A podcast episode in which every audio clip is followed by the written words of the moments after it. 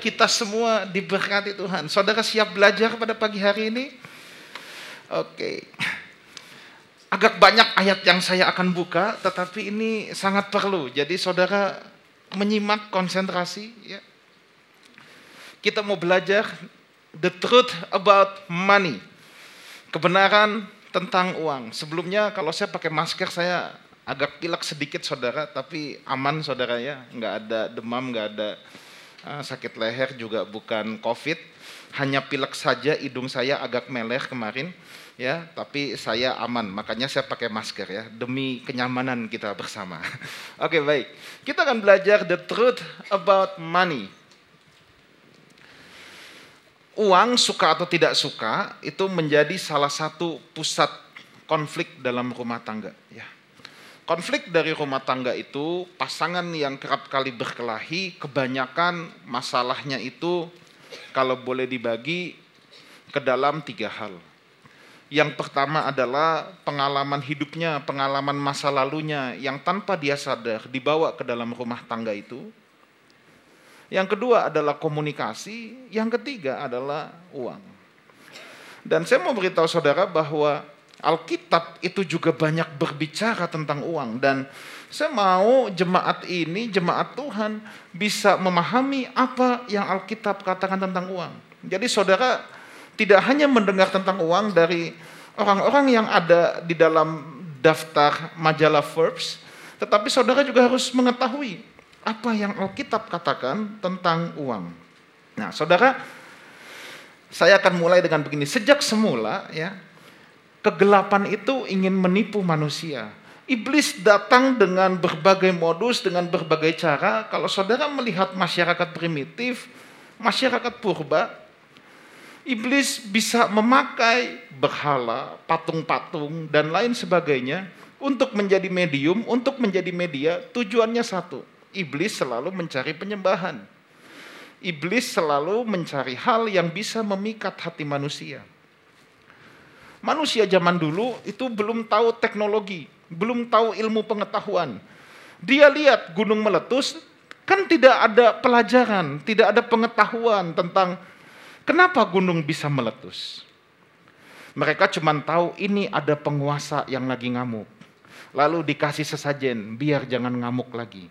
Tetapi manusia modern sangat mengetahui akan hal itu.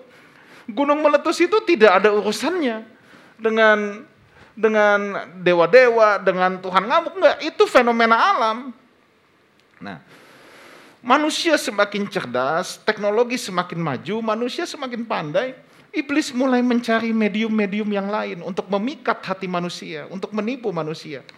Dan akhirnya iblis bertemu dengan satu medium yang paling efektif, yang paling baik, yaitu namanya mamon. Coba kita lihat apa kata Alkitab tentang mamon. Ayat yang saudara sering kali baca, saya akan agak cepat saudara ya.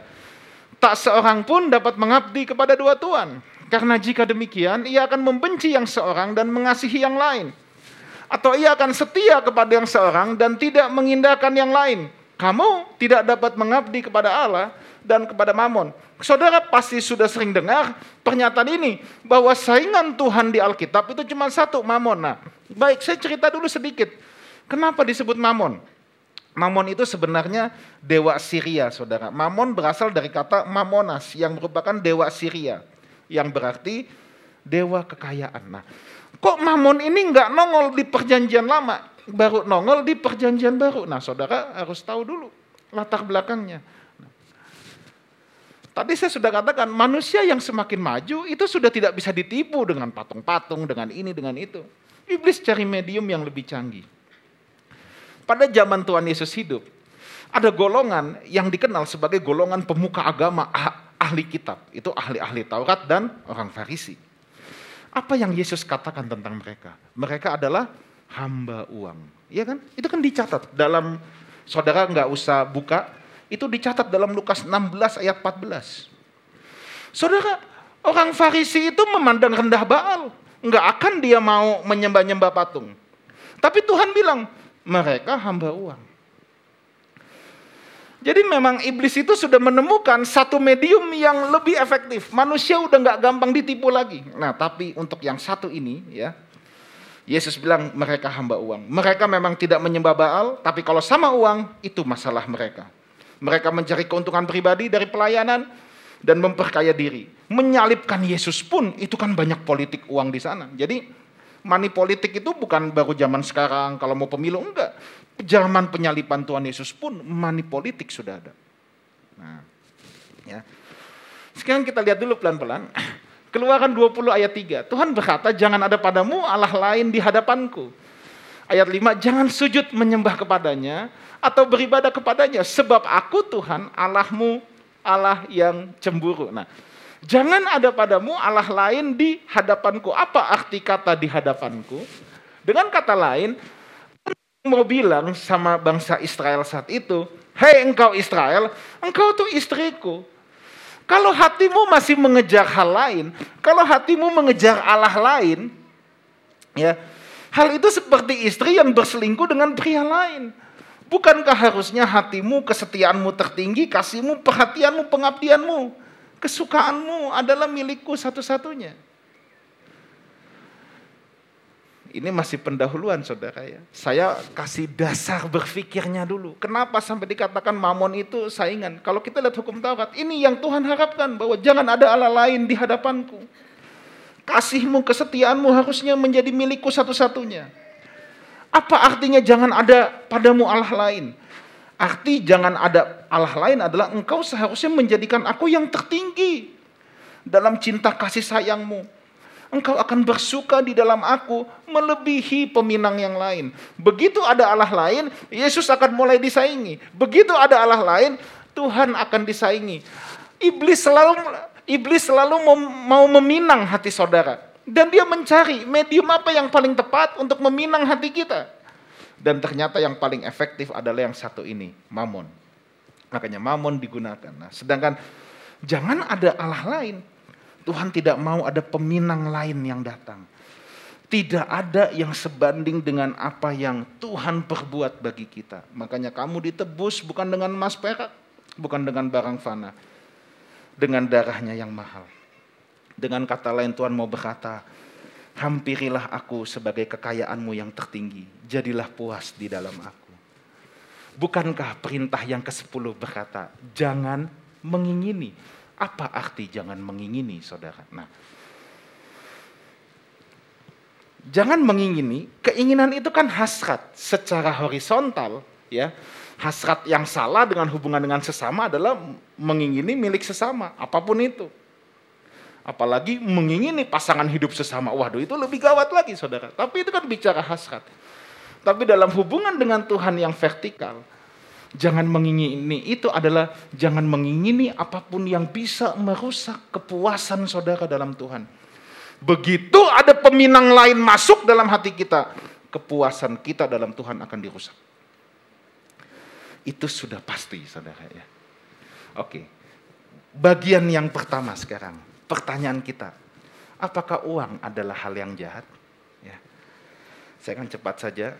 Baik Yesus, Rasul Paulus, penulis kitab Ibrani, penulis Alkitab, ya, semuanya menuliskan tentang bahaya, catat ini, bahaya dari uang. Saudara, bahaya bukan berarti jahat, oke? Okay? Bahaya itu bukannya berarti jahat. Bahaya artinya kalau kita salah memandang, kita salah menempatkan, kita salah menggunakan, itu jadi bahaya bagi diri kita sendiri. Bahkan bisa membinasakan kita. Itu bahaya. Bahaya itu bukan jahat. Tetapi kalau bahaya berarti ada resiko. Kita harus tepat bagaimana cara melihatnya, cara memandangnya semua. Oke, lanjut. Apa kata Alkitab? 1 Timotius 6 ayat yang ke-10. Nanti kalau udah ada di YouTube, saudara bisa cerna ini lagi pelan-pelan. Karena akar segala kejahatan ialah cinta uang. Sebab oleh memburu uanglah beberapa orang telah menyimpang dari iman dan menyiksa dirinya dengan berbagai-bagai duka. Saudara perhatikan di sini, yang berbahaya adalah, tadi saya katakan uang itu bukan jahat, tapi bahaya. Yang bahaya itu cinta. Kenapa? Begitu ada cinta, di sana ada hasrat dan keinginan. Untuk mengejar terus dan ingin lebih, lebih lagi.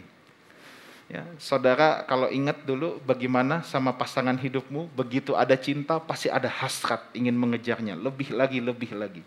Ketemuan seminggu sekali nggak cukup, tambah dua, tambah tiga, tambah terus. Ya. Yang di sini yang belum merit, yang masih masa pacaran pasti tahu akan hal ini. Itu sudah hukum di mana pun. Begitu ada cinta, pasti ada hasrat, mau mengejar lebih lagi, dan ingin terus menerus. Masalahnya saudara, ketika seseorang mencintai uang dan menjadi kekasih, kalau uang sampai menjadi kekasih, ia akan berusaha mengingininya, mengumpulkannya sebanyak-banyaknya, bahkan selalu ada di hatinya. Makanya yang bahaya itu cintanya, ingat ya, bukan uangnya, cintanya. Begitu ada hasrat, kita nggak akan pernah puas. Kita mau kumpulin sebanyak-banyaknya dan masalahnya selalu ada di hati kita. Dan Tuhan berkata, karena di mana hartamu berada, di situ juga hatimu berada. Matius 6 ayat yang ke-21. Makanya itu bahaya saudara ya. Cintanya yang bahaya, bukan uangnya yang bahaya. Ya. Cintanya yang bahaya, bukan uangnya yang bahaya. Sesuatu yang kita cintai, pasti kita berikan nilai tinggi dalam hidup ini. Dan akan menjadi harta kita. Begitu itu jadi harta kita, di situlah ada hati, pikiran, hasrat dan hati kita pasti berada di situ. Begitu kita cintai, itu akan jadi harta kita. Ya. John Piper, ini John Piper yang ngomong, bukan saya saudara ya. Jadi jangan marah sama saya. Ini John Piper. John Piper adalah salah seorang hamba Tuhan yang sudah teruji integritasnya puluhan tahun di pelayanan. Dia berkata gini, sangat bodoh jika mencurahkan hidup Anda untuk mengumpulkan kekayaan konteksnya uang ya, atau menginginkannya. Kekayaan tidak akan berguna di akhir hidup, kata John Piper. Rupanya ini bukan cuma John Piper yang ngomong, dia juga mengutip saudara ya. Saya lebih aman bilang ini John Piper yang ngomong. Kalau saya yang ngomong, tak saudara ngambek sama saya. Ya. Ini John Piper yang ngomong. Tapi John Piper juga nggak sendirian. Dia mengutip dari sang guru kita yang agung, yaitu Tuhan Yesus. Satu kali Tuhan bilang gini, katanya lagi kepada mereka dalam Lukas 12 ayat yang ke-15, berjaga-jagalah dan waspadalah terhadap segala ketamakan, bukan uangnya loh, ketamakannya. Karena begitu ada cinta, pasti ada rasa tamak, ingin lebih lagi, dikejar terus, lebih lagi, nggak akan pernah puas. Sebab apa kata Tuhan? Walaupun seorang berlimpah-limpah hartanya, hidupnya tidaklah tergantung daripada kekayaan itu. Masalahnya bukan di berlimpah-limpahnya. Tapi kalau ada ketamakan, itu bahaya. Begitu ada cinta, kita tempatkan dia di tempat tidak semestinya, tanpa sadar kita menggantungkan hidup kita daripada kekayaan itu. Lalu Tuhan sodorkan sebuah perumpamaan. Kemudian ia mengatakan kepada mereka suatu perumpamaan, katanya, ada seorang kaya, tanahnya berlimpah-limpah hasilnya. Ia bertanya dalam hatinya, apakah yang harus aku perbuat? Sebab aku tidak mempunyai tempat di mana aku dapat menyimpan hasil tanahku. Saudara jangan baca ayat ini dan berkata, itu zaman dulu. Sekarang mah ada bank, tenang aja. Ya dulu belum ada bank. Bingung dia mau nyimpen di mana. Tapi saudara ambil maknanya ya. Jangan berkata, sekarang ada bank, tenang. Saya bisa kumpulin sebanyak-banyaknya. Dulu emang gak ada. Bukan itu poinnya Tuhan Yesus. Ayat 18, lalu katanya, inilah yang akan aku perbuat Aku akan merombak lumbung-lumbungku dan aku akan mendirikan yang lebih besar dan aku akan menyimpan di dalamnya segala gandum dan barang-barangku. Sesudah itu aku akan berkata kepada jiwaku, jiwaku, ada padamu banyak barang. Tertimbun untuk bertahun-tahun lamanya. Istirahatlah, makanlah, minumlah dan bersenang-senanglah. Tetapi firman Allah kepadanya, Hai engkau orang bodoh, pada malam ini juga jiwamu akan diambil daripadamu. Tadi John Piper bilang, dia nggak berguna saat di akhir hidup. Rupanya Yesus juga berkata yang sama. Kalau malam ini juga jiwamu diambil daripadamu, apa yang telah kau sediakan untuk mengumpulkan? Rupanya Tuhan juga sama. Di hardik keras. Orang yang tujuan hidupnya cuma untuk mengumpulkan uang, mengumpulkan harta kekayaan materi. Ternyata memang uang itu bukan sahabat kekal, saudara. Khususnya dia bukan sahabat saudara di kematian. Ya. Uang itu hanya bisa kita jadikan hamba. Ingat ini. Ini poin yang pertama ya. Uang itu nggak jahat, dia hanya berbahaya. Dan uang hanya bisa dijadikan hamba. Jangan dikasih nilai tinggi. Dia tuh paling ngelunjak sekali saudara kasih nilai tinggi, dia akan jadi bos dalam hidupmu, dia akan berkuasa, dia akan bertahta, dia akan memerintah, dan dia akan mendominasi hidup kita. Sekali ia dikasih nilai tinggi dalam hidup kita, uang akan menjadi tuan yang sangat kejam dan paling berbahaya dalam hidup kita. Nggak ada yang bahaya dengan uang. Tapi begitu kita punya cinta di situ, uang akan ambil the highest place. Dia akan jadi peminang yang lain, mulai merusak hubungan kita dengan Tuhan. Mulai akan menyodorkan sebuah kepuasan lain selain Tuhan. Bagian yang kedua, apa yang seharusnya kita kejar? Pelan-pelan saudara ya, apa yang seharusnya kita kejar?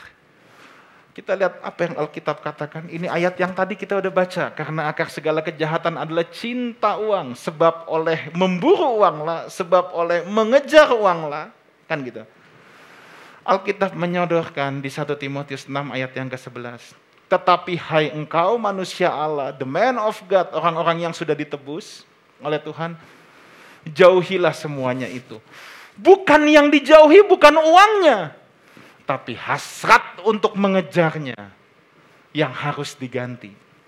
Tuhan sodorkan, kejarlah keadilan, ibadah, setian. Ibadah di sini eusabia bukan jadi jago kebaktian satu minggu tujuh kali, bukan. Ya, tetapi sifat-sifat Allah. Eusebia, godly man, ya. Kejarlah keadilan, kebaikan, sifat-sifat Tuhan, kesetiaan, kasih, kesabaran, dan kelemah lembutan. Itu yang Alkitab suruh kejar rupanya saudara ya. Apa yang kita kejar sekarang saudara? Hmm? Itulah harta di sorga. Harusnya hidup kita tuh mengoleksi yang ini saudara ya.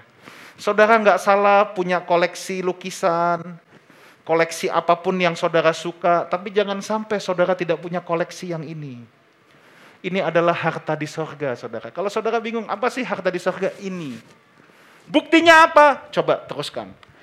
Saya nggak ada di PowerPoint. Tapi kalau saudara lihat 1 Timotius 6, ayat 18 dan 19, dari ayat 17 deh. Ya. Saya bacakan sebentar ya. 1 Timotius 6 ayat yang ke-17. Peringatkanlah kepada orang-orang kaya di dunia ini. Nah, saudara jangan sensitif kalau dengar ini. Ini Paulus memberikan peringatan. Bukannya Paulus sentimen. Enggak. Paulus sedang memberikan per peringatan. Untuk siapa? Untuk orang yang fokus hidupnya nih. Ingat ya, menjadi kaya itu tidak salah. Abraham sangat kaya. Ada banyak pelayanan di awal-awal gereja mula justru ditopang oleh orang-orang kaya memang. Ya. Nah, tetapi ini yang Paulus katakan, peringatlah, peringatkanlah kepada orang-orang kaya di, di dunia ini agar mereka jangan tinggi hati dan jangan berharap pada sesuatu yang tak tentu seperti kekayaan, melainkan pada Allah yang dalam kekayaannya memberikan kepada kita segala sesuatu untuk dinikmati. Peringatkanlah mereka agar mereka itu berbuat baik, menjadi kaya dalam apa? Kebajikan, suka memberi dan membagi. Lihat ayat 19, makanya saya katakan ini harta di sorga tadi. Dan dengan demikian mengumpulkan suatu harta sebagai dasar yang baik bagi dirinya di waktu yang akan datang untuk mencapai hidup yang nah, balik lagi ke slide yang tadi. Jadi betul ya, ini kan konteksnya kan itu. Inilah harta di sorga. Apa yang harusnya kita kejar? ini melebihi semuanya. Koleksi ini dulu saudara. Ini adalah koleksimu yang paling berharga. Saudara punya jam 20 biji, waktu nanti di akhir kehidupan ini, satu pun juga rasanya nggak dipakai. Ya, bisa sih dipakai 20-20-nya, tapi keluargamu tidak akan rela pakaiin itu di mayat saudara nanti ya. Itu masalahnya ya. Tetapi hal yang ini melekat sama kita sampai kapan pun. This is the treasure in heaven. Yang Paulus katakan sebagai suatu dasar. Ini yang harus kita kejar, saudara. Ya, ini yang harus kita kejar. Kita teruskan. Ya. Kejarlah karakter-karakter Kristus selama kita hidup di bumi ini. Itulah mengumpulkan harta di sorga. Yeremia 9 ayat 23. Saudara nikmati pelan-pelan. Ini banyak ayat saudara, tapi saudara harus baca semua ini. Ya. Beginilah firman Tuhan. Janganlah orang bijaksana bermegah dalam kebijaksanaannya. Jangan bermegah. Janganlah orang kuat bermegah karena kekuatannya, kata Alkitab. Janganlah orang kaya bermegah karena kekayaannya. Tapi ayat 24,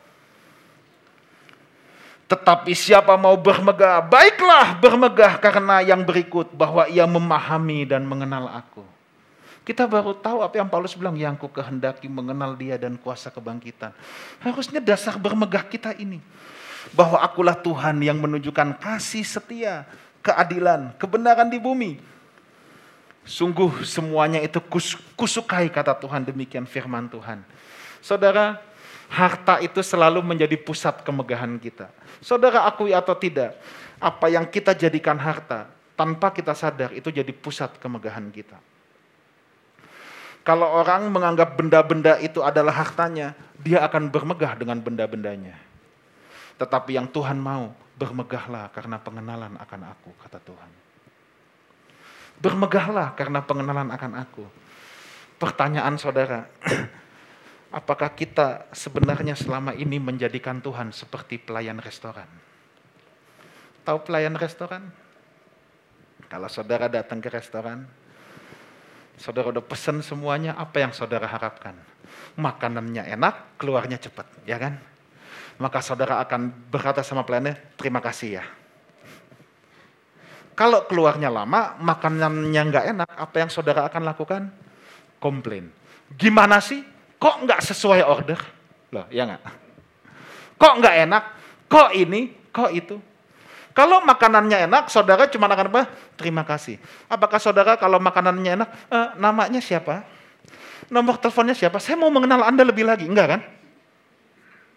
Tahu nggak banyak orang Kristen memperlakukan Tuhan tuh kayak pelayan restoran. Bukan yang di sini. ya. Ya. Pokoknya kalau yang kita order, yang kita mau Tuhan kasih, thank you ya Tuhan. Bye. Kalau belum sesuai, kita yang menggerutu, kita yang komplain. Kita tidak punya hasrat untuk mengenal dia lebih lagi. Padahal tadi Tuhan bilang, kemegahanmu kalau kamu boleh mengenal aku. Kata Tuhan. Jangan jadikan Tuhan seperti pelayan restoran, saudara. Ya, kalau kita lagi happy cukup thank you Tuhan, bye, see you next time. Pengkhotbah 5 ayat 9. Yang ngomong ini manusia terkaya yang pernah hidup di bumi ini. Nah, ini ya, ini manusia terkaya yang pernah hidup di bumi ini. Salomo di akhir hidupnya dia berkata gini, siapa mencintai uang tidak akan puas dengan uang. Siapa mencintai kekayaan tidak akan puas dengan penghasilannya. Ini pun sia-sia. Kalau saya yang ngomong, saudara bisa bilang, ya pastor tidak kaya, makanya pastor ngomong gitu. Ini yang ngomong orang terkaya yang pernah lahir di bumi ini. Dan dia katakan, orang yang mencintai uang tidak akan puas dengan uang. Kenapa saudara? Karena dalam jiwa manusia kita sebagai makhluk Tuhan yang menciptakan, Tuhan hembuskan nafas kehidupan. Tuhan menyisihkan satu tempat di mana yang bisa memuaskan kita hanyalah air kehidupan itu. Uang nggak bisa puaskan kita itu. Orang yang belum punya pasangan, ada yang berpikir, aku nggak lengkap kalau aku belum punya pasangan. Dia pikir dia bisa ketemu kepuasan kalau dia punya pasangan. Nggak bisa, saudara yang bisa memberikan kepuasan sejati dalam hidup kita itu air kehidupan itu. Makanya Tuhan bilang gini, kalau kamu minum dari air kehidupan ini, kamu nggak haus lagi. Manusia berdosa, punya kehausan dalam dahaga jiwanya. Dulu dia pikir pasangan hidup bisa memuaskan dahaga itu. Dia cari pasangan. Ternyata belum puas, ganti lagi pasangan. Belum puas, ganti lagi pasangan. Kok tetap haus terus? Lalu dia mulai berpikir, kayaknya karena duit gua kurang banyak. Duit udah punya, tetap nggak puas. Mungkin karena saya kurang populer. Popularitas sudah ada, Instagram udah centang biru, follower udah banyak, tetap belum puas. Karena memang dahaganya hanya bisa diisi oleh Tuhan. cari ke tempat lain keliling itu nggak akan dapat. Ya. Kalau kita mengejar uang, kita tidak akan bisa puas karenanya. Hanya Tuhan yang dapat memuaskan jiwa, roh manusia, sebab dialah sumber air kehidupan.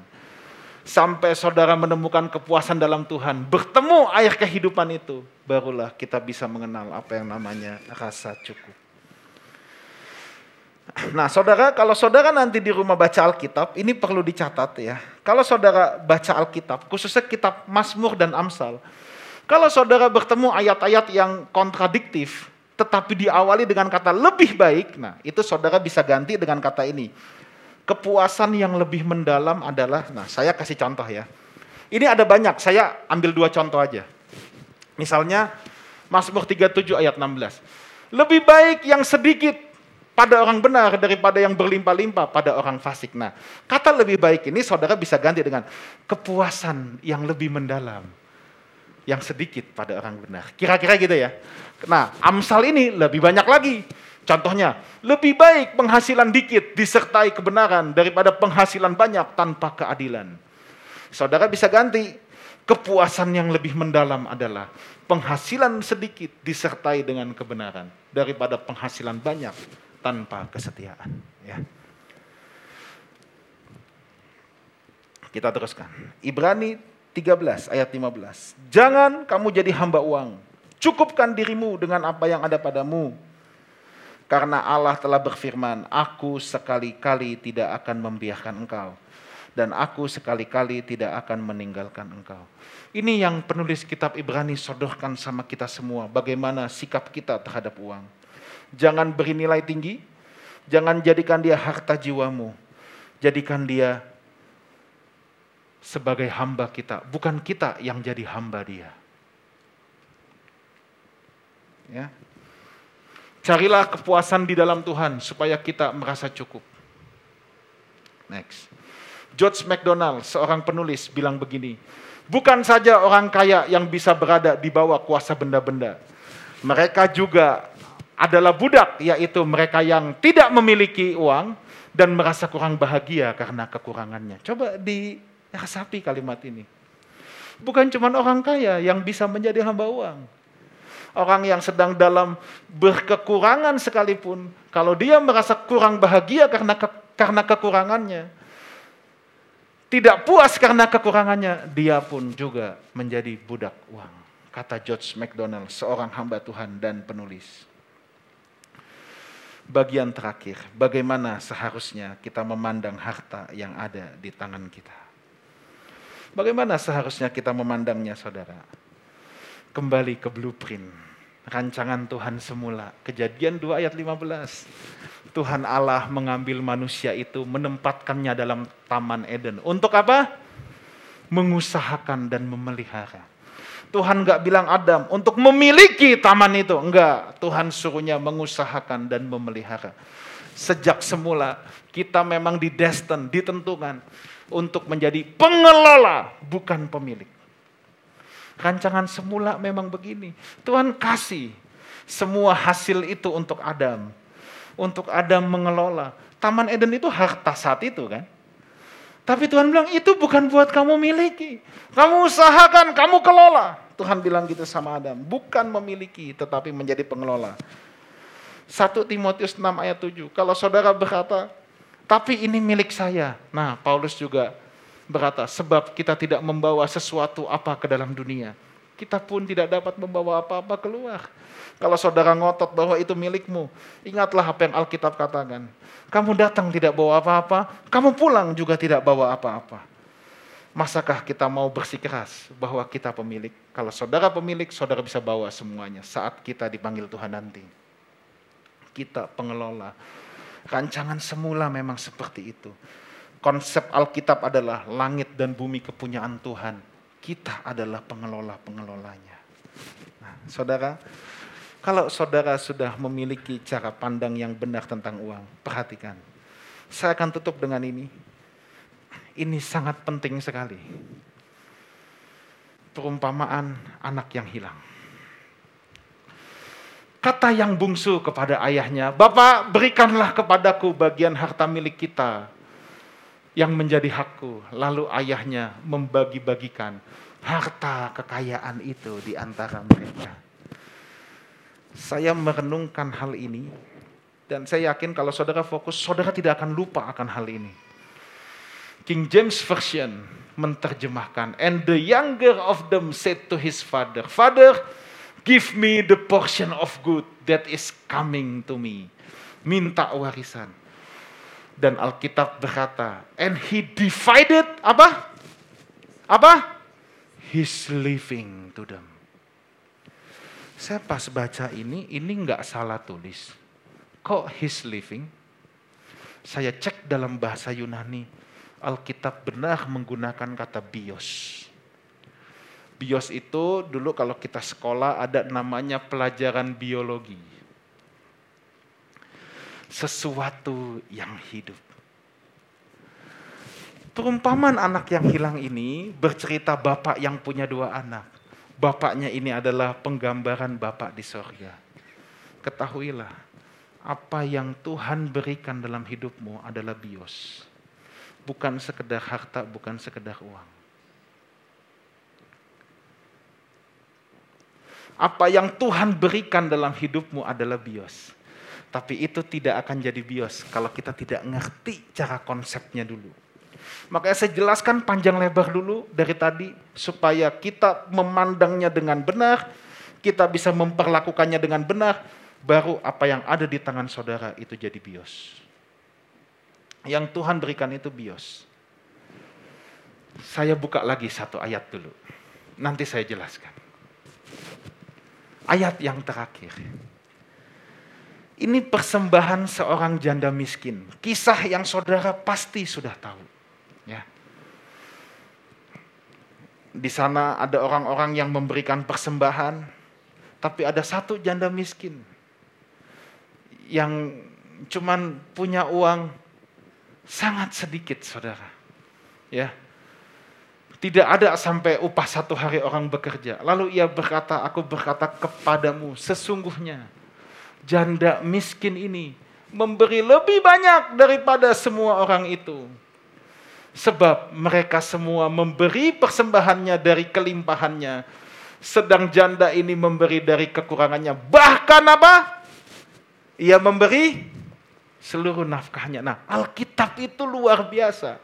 King James Version kemudian menuliskan gini, For all this have of their abundance cast in unto the offerings of God. But she of her penury had cast in all the living that she had. Saya cek lagi di Alkitab.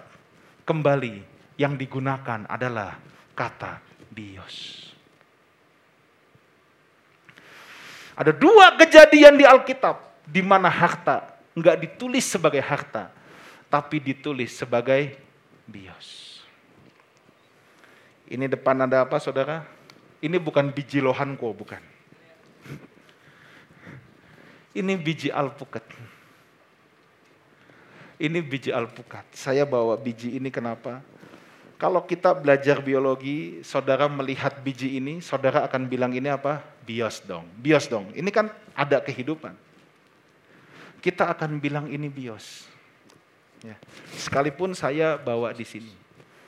Tapi sekarang kalau saudara ngelihat uang yang ada di dompetmu, uang yang ada di rekeningmu, Anda bilang itu bios bukan? Bukan. Rata-rata bilang bukan. Kenapa ini Anda bilang ini bios? Ya ini kan memang di biologi biji itu kalau ditanam tumbuh. Dengar saudara, ini nggak akan jadi bios kalau saya cuma taruh di sini. Saya mau bawa cawan emas sekalipun, ini nggak akan pernah jadi bios. Kalau ini tidak ditanam, kalau saya tidak mengerti bagaimana cara mengembang biakan ini dengan dengan dengan benar, ini akan tetap jadi satu hal yang mati. Ini nggak akan pernah jadi bios. Tapi kalau saya tanam ini, saya tahu cara merawatnya, saya tahu cara mengelolanya, ini bisa jadi satu hutan. dari satu benih bisa menjadi satu hutan. Kalau saya bisa melihat ini, saya bisa merawatnya dengan benar. Sekarang, harta yang kita miliki bisa menjadi bios atau enggak tergantung pada saudara. Ingat, apa yang Tuhan berikan kepadamu itu bukan sekedar harta. Dia berikan His living. Dan ketika kita datang kepada Tuhan, apa yang Tuhan titipkan ke kita, kita ngelihat itu apa? Apakah saudara bisa melihat itu sebagai living? Kalau saudara bisa menempatkannya dengan benar, saudara sadari ini milik Tuhan yang saudara sedang kelola itu akan menjadi bios. Ya. Tapi selama engkau melihat ini milikku, enggak akan jadi bios sampai selama-lamanya.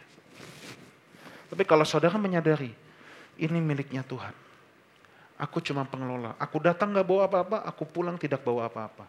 Ketika Anda datang kepada Tuhan pun membawa persembahan, Anda punya pola berpikir yang ada di dalam hatimu. This is my living too ini adalah hidupku. Memang kita harus mempersembahkan hidup kita. Semua yang ada pada kita itu kan hidup kita. Baik tubuh kita. Ini semua kita persembahkan kepada Tuhan. Makanya saudara ya. Saya itu paling sedih kalau dengar orang berkata, kita sumbang untuk gereja. Saya sedih jujur. Saya sedih. Kalau dengar kalau orang berkata, "Ini saya sumbang ya." Sumbang, sumbangan. Saudara tahu sumbangan itu apa?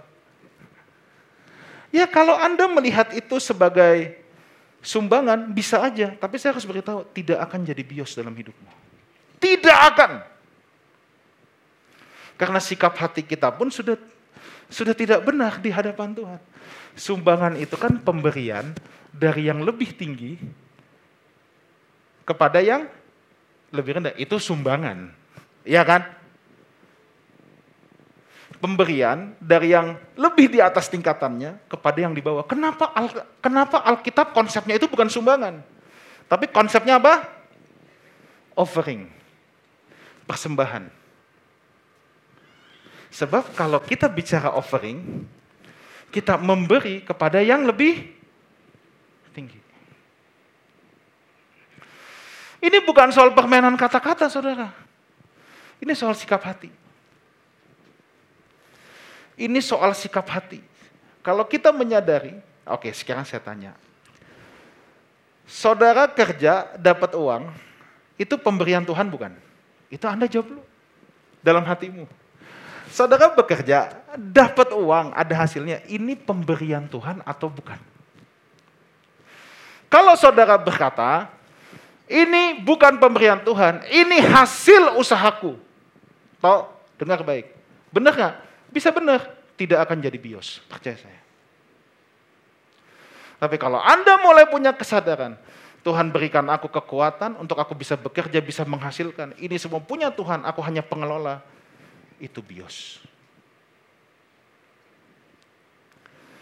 Alkitab tidak kebetulan menulis ini sebagai bios, bukan dengan hal yang lain.